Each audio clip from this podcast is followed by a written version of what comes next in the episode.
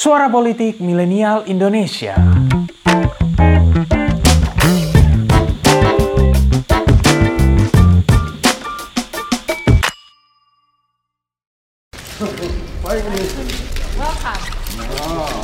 Pada 28 April 1984, sebuah peristiwa penting terjadi di Tiongkok. Presiden Amerika Serikat kala itu, Ronald Reagan, melakukan kunjungan bersejarah ke Beijing, Tiongkok. Ini adalah periode awal keinginan Tiongkok membuka diri terhadap kapitalisme ekonomi yang didorong oleh tokoh pemimpin utama negeri tirai bambu tersebut kala itu, Deng Xiaoping.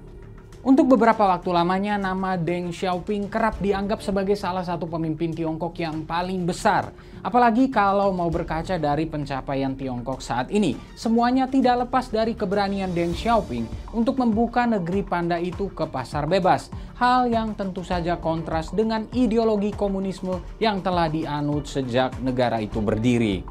Namun kalau kita bolak-balik catatan sejarah, sebetulnya Deng Xiaoping bukanlah satu-satunya tokoh yang berjasa besar bagi kemajuan Tiongkok. Bahkan bukan Deng Xiaoping yang sebenarnya menjadi kunci utama kemajuan Tiongkok saat ini. Ia hanya jadi salah satu dari empat naga yang membawa Tiongkok sampai ke titik kemajuan di hari ini. Lalu siapa saja para naga itu? Inilah risalah empat naga jaya Tiongkok.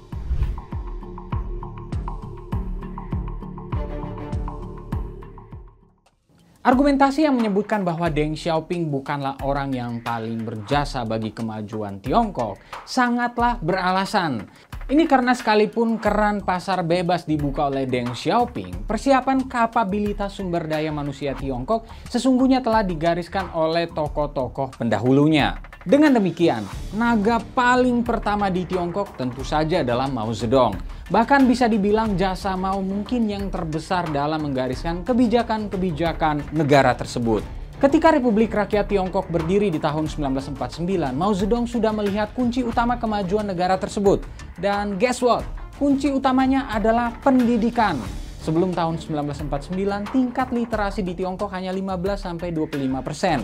Fasilitas pendidikan sangat terbatas dan kurikulum pendidikan sangat kacau.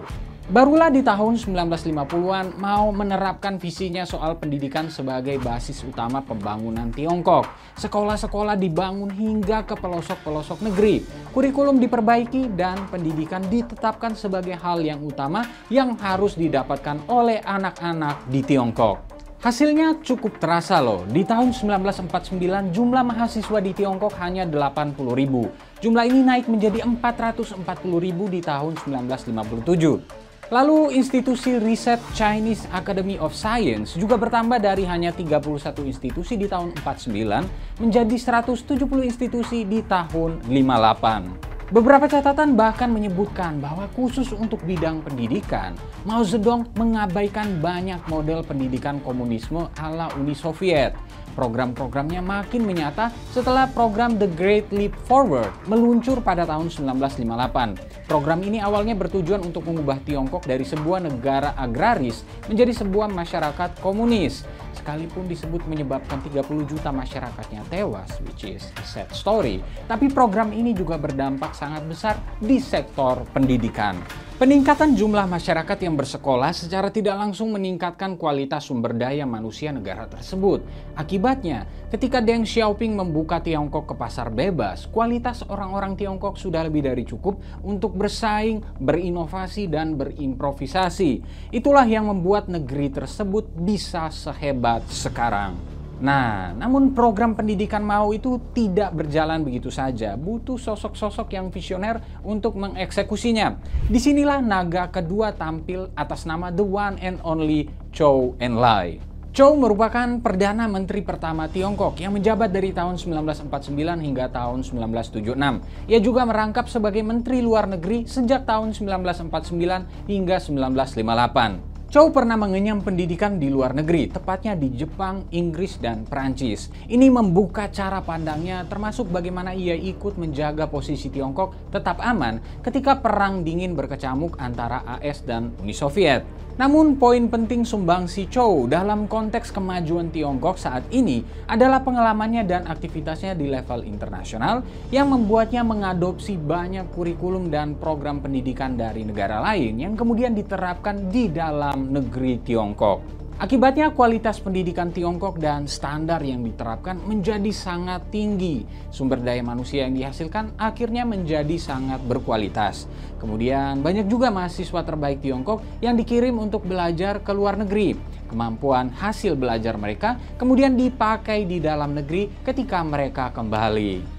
Nah, masalah pendidikan ini tidak bisa bergerak sendiri tanpa ditunjang kebijakan-kebijakan lain. Di sini kemudian ada naga ketiga yang ikut menentukan bernama Chen Yun atau dikenal juga sebagai Liao Chen Yun. Pada periode 1980 sampai 1990, Chen Yun sering disebut sebagai orang paling powerful di Tiongkok setelah Deng Xiaoping. Ia merupakan orang yang bertanggung jawab pada banyak kebijakan ekonomi Tiongkok dan termasuk yang paling progresif di awal-awal. Namun di akhir-akhir hidupnya, ia salah satu yang cukup berhati-hati dan mengerem reformasi ekonomi Tiongkok menuju pasar bebas. Ia adalah satu dari delapan The Elders yang menjadi tetua utama penentu kebijakan Tiongkok di era itu. Sekalipun dicap oleh media-media barat sebagai oposisi dari Deng Xiaoping, nyatanya Chen merupakan penyeimbang yang membuat Tiongkok bisa mulus masuk ke pasar bebas tanpa perlu meninggalkan sistem politik komunis yang masih dianut hingga saat ini. Jasanya juga sangat besar di tahun 60-an lewat program-program ekonomi yang tepat ketika program The Great Leap Forward mengguncang hampir seluruh sektor masyarakat Tiongkok. Dan well, naga terakhir tentu saja adalah Deng Xiaoping sendiri. Sebagai seorang reformis sejati, Deng memang melihat perlunya Tiongkok untuk masuk ke pasar bebas dan merangkul kapitalisme ekonomi.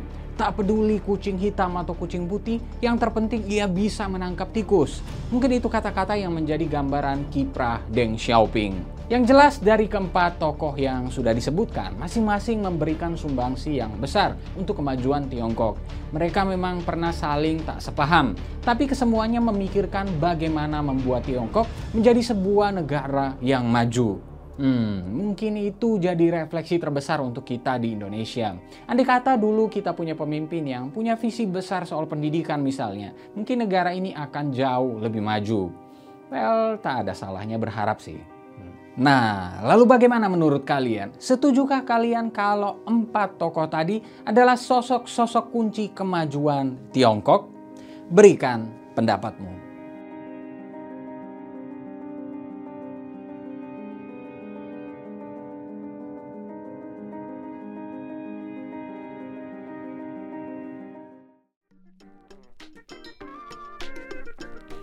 Terima kasih telah mendengarkan episode kali ini. Nantikan episode-episode selanjutnya dan jangan lupa untuk kunjungi pinterpolitik.com untuk dapatkan informasi seputar fenomena politik di Indonesia. See you next time and bye-bye.